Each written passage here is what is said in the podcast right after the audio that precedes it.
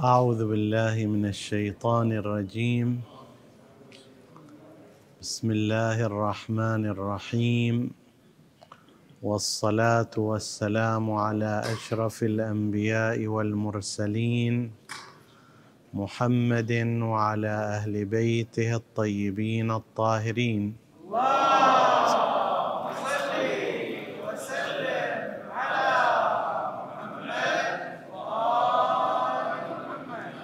السلام عليكم أيها الإخوة المؤمنون أيتها الأخوات المؤمنات ورحمة الله وبركاته. جاء في وصية هشام التي أوصاه بها الإمام الكاظم عليه السلام فقرات من وصية عيسى ابن مريم للحواريين. وهذا من الأمور الملفتة فإنه على ما يقرب من صفحتين من هذه الوصية نقل الإمام الكاظم عليه السلام ماذا قال المسيح عيسى ابن مريم للحواريين. وفي هذا معان متعددة سوف نعرض إليها بعد قراءة قسم من هذه الوصايا المسيحية بحسب التعبير للحواريين. في وصية الإمام الكاظم يقول يا هشام إن المسيح عليه السلام قال للحواريين يا عبيد السوء يهولكم طول النخلة وتذكرون شوكها ومؤونة مراقيها وتنسون طيب ثمرها ومرافقها. كذلك تذكرون مؤونة عمل الآخرة فيطول عليكم أمده وتنسون ما تفضون إليه من نعيمها ونورها وثمرها. يا عبيد السوء نقوا القمح وطيبوه وأدقوا طحنه تجدوا طعمه ويهنأكم أكله. عجيب المسيح يوصي الحواريين بأن يتقنوا الأكل لا يريد شيئا آخر. كذلك فأخلصوا الإيمان وأكملوه تجدوا حلاوته وينفعكم وينفعكم غبه. بحق أقول لكم لو وجدتم سراجا يتوقد بالقطران في ليلة مظلمة لاستضأتم به ولم يمنعكم منه ريح نتنه. كذلك ينبغي لكم أن تأخذوا الحكمة ممن وجدتموها منه ولا يمنعكم منه سوء رغبته فيها. يستمر الإمام فيما بعد نحن نكتفي هذا اليوم بهذا المقدار. اولا أصل استشهاد الإمام عليه السلام بكلام المسيح عيسى ابن مريم في وصيته لهشام بن الحكم كأنه يريد أن يقول للناس إن الأصول التي تعتمد عليها الديانة السماوية سواء كانت في نسختها المسيحية أو اليهودية أو الإسلامية الأصول العامة هي أصول واحدة وبالتالي لا مشكلة في أن يستشهد الإمام عليه السلام بكلام عيسى بن مريم ولا مشكلة في أن يستشهد بكلام موسى بن عمران ولا مشكلة في أن يستشهد بكلام إبراهيم الخليل.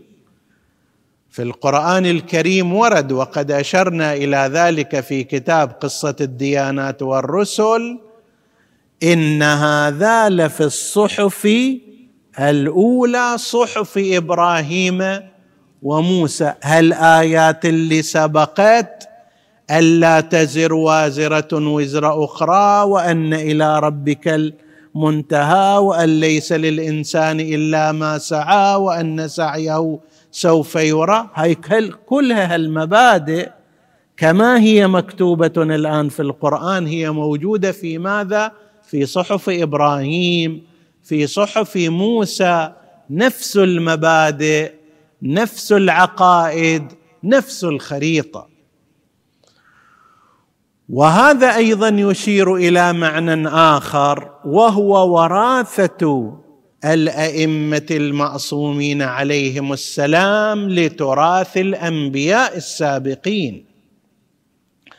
الآن لو ذهبنا مثلا إلى أحد العلماء المعاصرين للإمام الكاظم من أتباع مدرسة الخلفاء ليس عنده إلا هذه النسخ المحرفة من اليهودية. لكن أئمة الهدى عليهم السلام عندهم المبادئ الأصلية التي كانت في التوراة والإنجيل وما جاء به النبيون من ربهم. وهذا يشير إلى قضية الاتصال بين الأنبياء السابقين وبين الأئمة المعصومين عليهم السلام مثلما أن أولئك الأنبياء كان لديهم العلم الإلهي أيضا أئمة الهدى كان لديهم نفس ذلك العلم وزادوا عليهم بما لم يعلم أولئك الأنبياء من عقائد الإسلام وأحكام الشريعة الإسلامية. فاستشهاد الإمام نابع من هذا هذا واحد. الأمر الآخر أننا لو لاحظنا طريقة عيسى بن مريم في موعظته وإرشاده وهذا أيضا أشرنا إليه في الحديث عن شخصية عيسى بن مريم أيضا في قصة الديانات والرسل. سوف نجد أن لديه اسلوبا خاصا به أكثر منه وهو أسلوب مؤثر وهو أسلوب ضرب المثل وتقريب المجرد بواسطة المجسد. بعض الأفكار بعض المعلومات كل ما تشبهها بشيء خارجي ظاهر أمام الناس كل ما رأى ذلك المثل الخارجية تذكر تلك الفكرة. وهذه الطريقة كانت لدى المسيح عيسى ابن مريم طريقة شائعة جدا. مثلا هنا يأتي إلى الحواريين ويخاطبهم ويوبخهم ويؤدبهم بذلك. يا عبيد السوء يهولكم طول النخلة وتذكرون شوكها ومؤونة مراقيها وتنسون طيب ثمرها؟ الآن أي واحد إذا يشوف نخلة قدامه يتبادر إلى ذهنه أيش قد فيها الشوك؟ إذا كانت طويله شقد تحتاج إلى جهد إلى أن يصعد عليها؟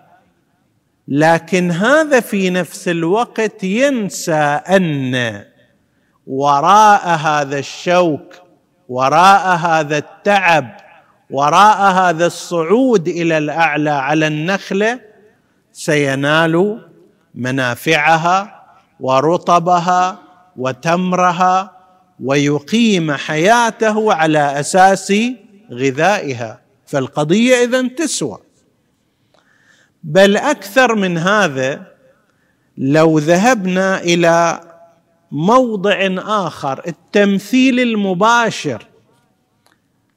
اللطيف أن ابن شعبه الحراني رضوان الله تعالى عليه وهو من علمائنا مؤلف كتاب أو جامع كتاب تحف العقول عن آل الرسول من علماء الإمامية متوفى في القرن الرابع الهجري.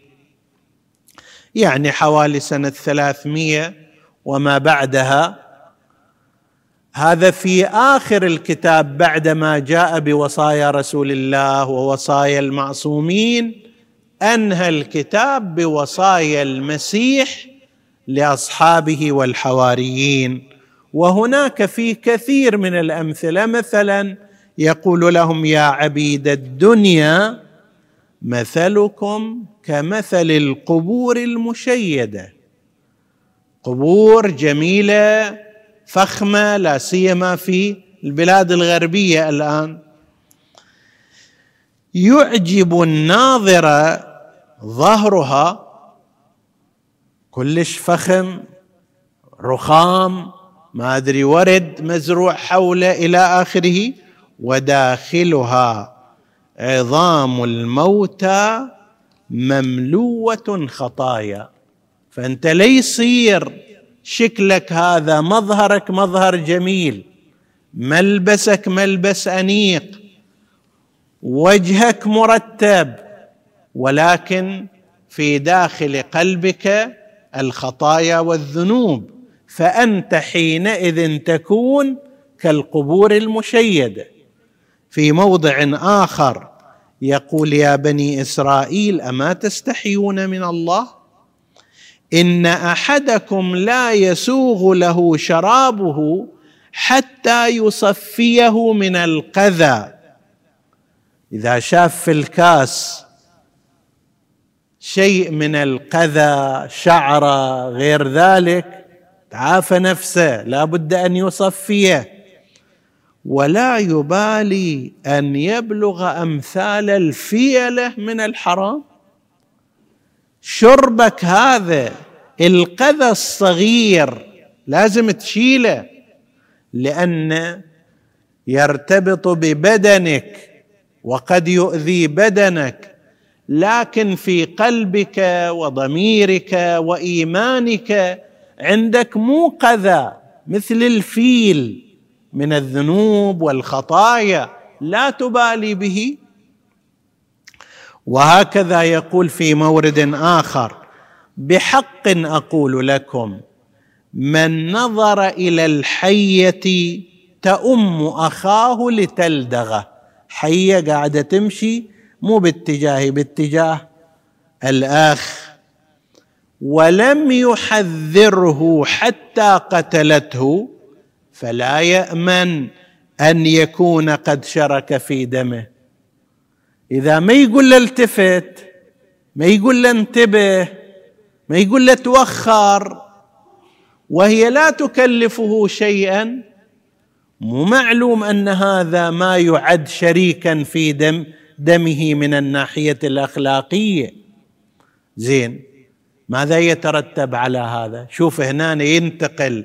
من المثل الخارجي حية تلدغ واحد وهو قاعد ما يقول له ينتقل إلى المعنى الأساسي المطلوب فيقول وكذلك من نظر إلى أخيه يعمل الخطيئة ولم يحذره عاقبتها. خطيئة حية. قاعد يشتغل على هذه الخطيئة. ما حذره. يقدر يقول له ترى هالعمل هذا مو زين؟ مو مناسب إليك. لا يتفق مع إيمانك. ولم يحذره عاقبتها. حتى أحاطت به تلك الخطيئة. فلا يأمن أن يكون قد شرك في إثمه. من الناحية الأخلاقية قد يكون مسؤولا عن ذلك لأنه لا يكلفه شيء. مجرد كلام مجرد تحذير مجرد إشارة مجرد نصيحة. كيف ذاك الذي رأى الحيه تذهب إلى ذاك والخطيئة قد تكون أعظم في أثرها من الخطيئة الحية بالتالي تلدغ يمكن أن يعالج أو يمكن أن يتمرض مرض من الأمراض لكن الخطيئة من الممكن أن توصله إلى نار جهنم. لاحظوا أن المسيح عيسى ابن مريم على نبينا وعليه أفضل الصلاة والسلام هنا وفي سائر الموارد يأتي بصور بأمثلة بقضايا خارجية بحيث تتثبت في ذهن الإنسان. قد يكون هذا أيضا راجعا إلى أن في بني إسرائيل من بعد نبي الله موسى على نبينا وآله وعليه أفضل الصلاة والسلام شاع عندهم السفسطة. يعني اختلت الموازين الفكرية. من الممكن أن واحد يناقشك في أوضح البديهيات. شايف قسم من الناس؟ أوضح البديهيات. يجي يقول لك من يقول هذا الشيء صحيح؟ فأنت لازم في مثل الحالة لازم تبدأ إياه من وجود الله عز وجل إلى أن توصل إلى هذه القضية. ومع ذلك عند قسم من الناس لا يفيد ولا ينفع.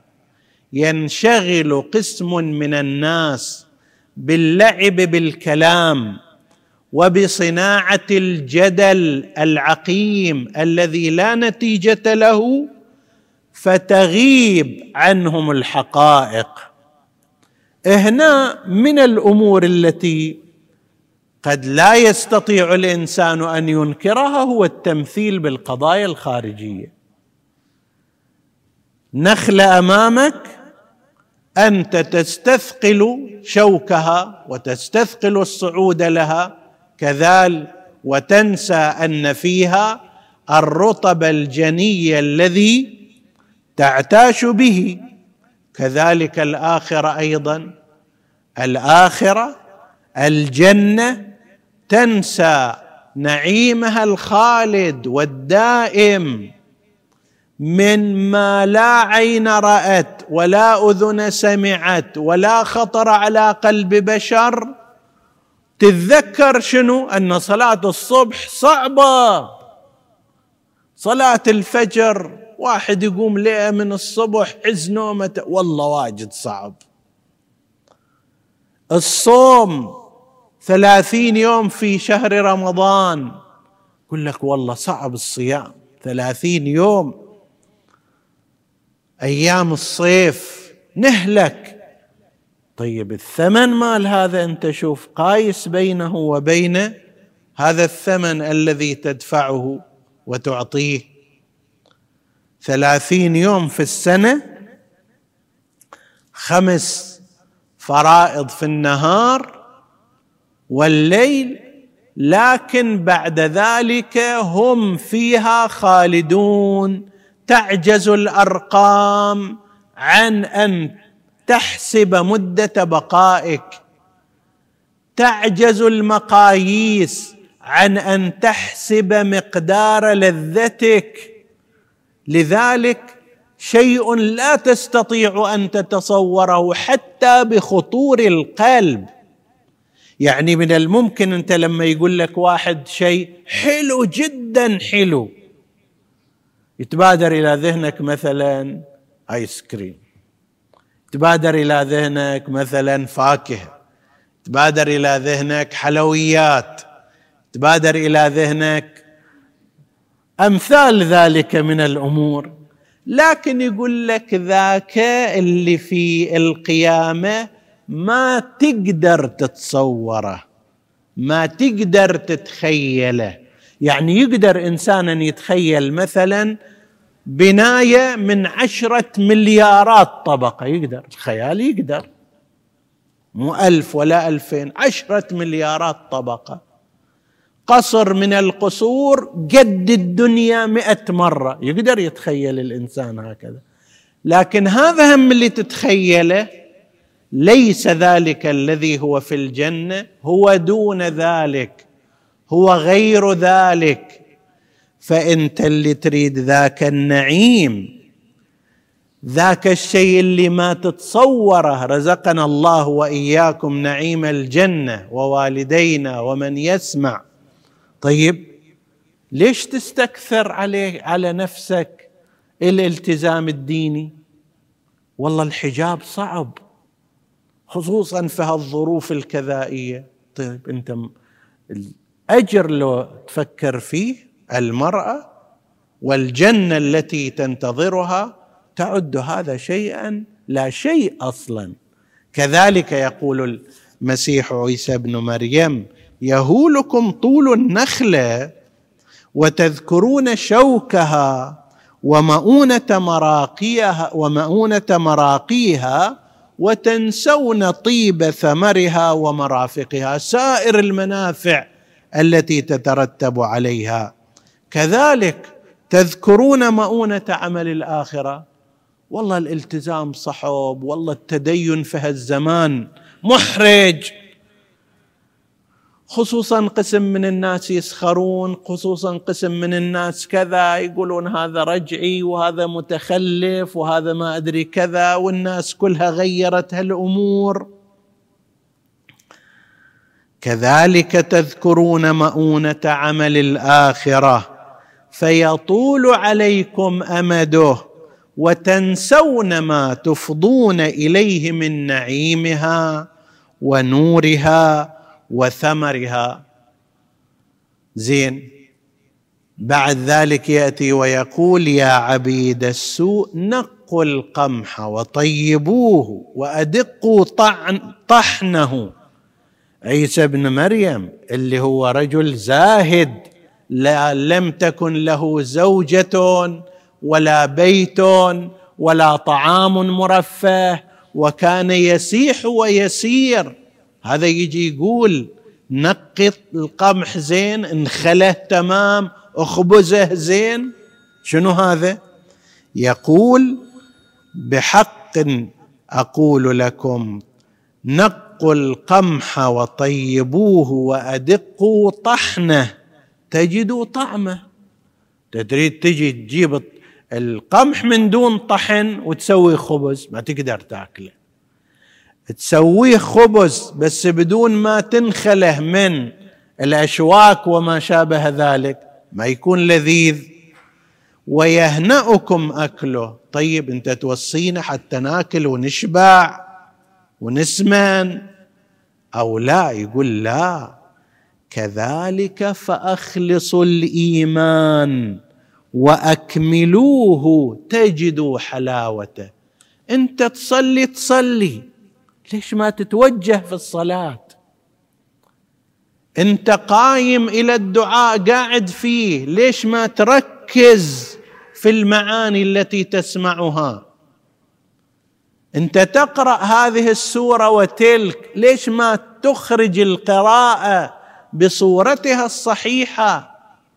كذلك مثل ما القمح والأكل تطبخه زين حتى يأتي حسن الطعم أيضا إيمانك أحرص على أن يكون كذلك.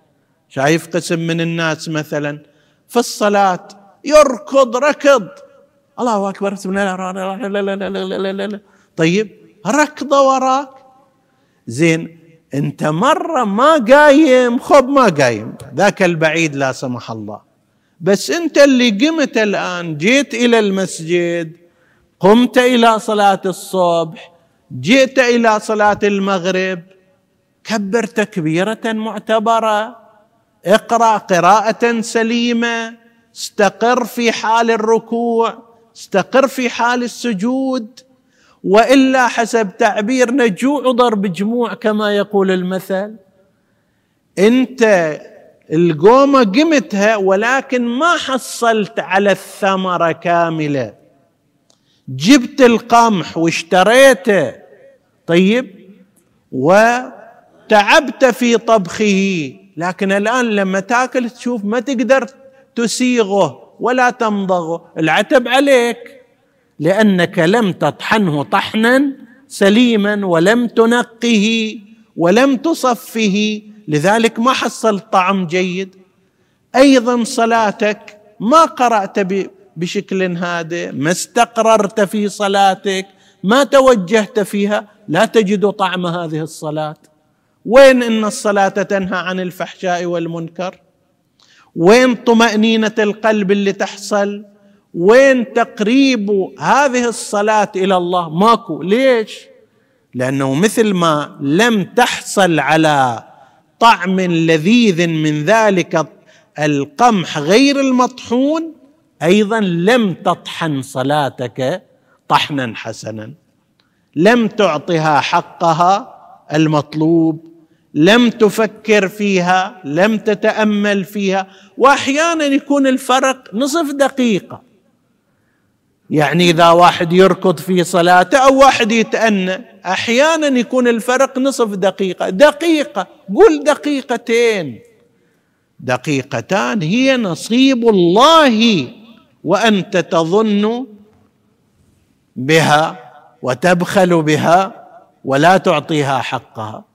طيب مع أنه لو صليتها بهدوء باستقرار بطمأنينة بتأمل بتوجه حققت كل الأهداف من الممكن حصلت الثواب حصلت الاستقرار حصلت الهدوء النفسي حصلت طمأنينة القلب ارتقت بك هذه الصلاة إلى معراج كمعراج إلى الله سبحانه وتعالى.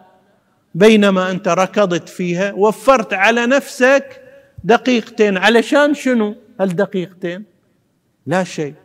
ماذا تستطيع أن تصنع في دقيقتين؟ اختزلت فيها صلاتك. شنو تقدر تسوي؟ علم تطلب علم مثلا في هالدقيقتين لذة عظيمة بتحصلها في هالدقيقتين أموال طائلة راح تحصل لك في هالدقيقتين لن يحصل لك شيء. يقول كذلك فأخلصوا الإيمان وأكملوه تجدوا حلاوته وينفعكم وينفعكم غبه نتيجته حاصله فوائده تنفعكم بحرصكم عليه. نسأل الله سبحانه وتعالى أن يجعلنا وإياكم ممن يعطون الإيمان والعبادة حقها حتى تعطينا نتيجتها في هذه الدنيا وفي الآخرة جنة النعيم إنه على كل شيء قدير وصلى الله على سيدنا محمد وآله الطاهرين.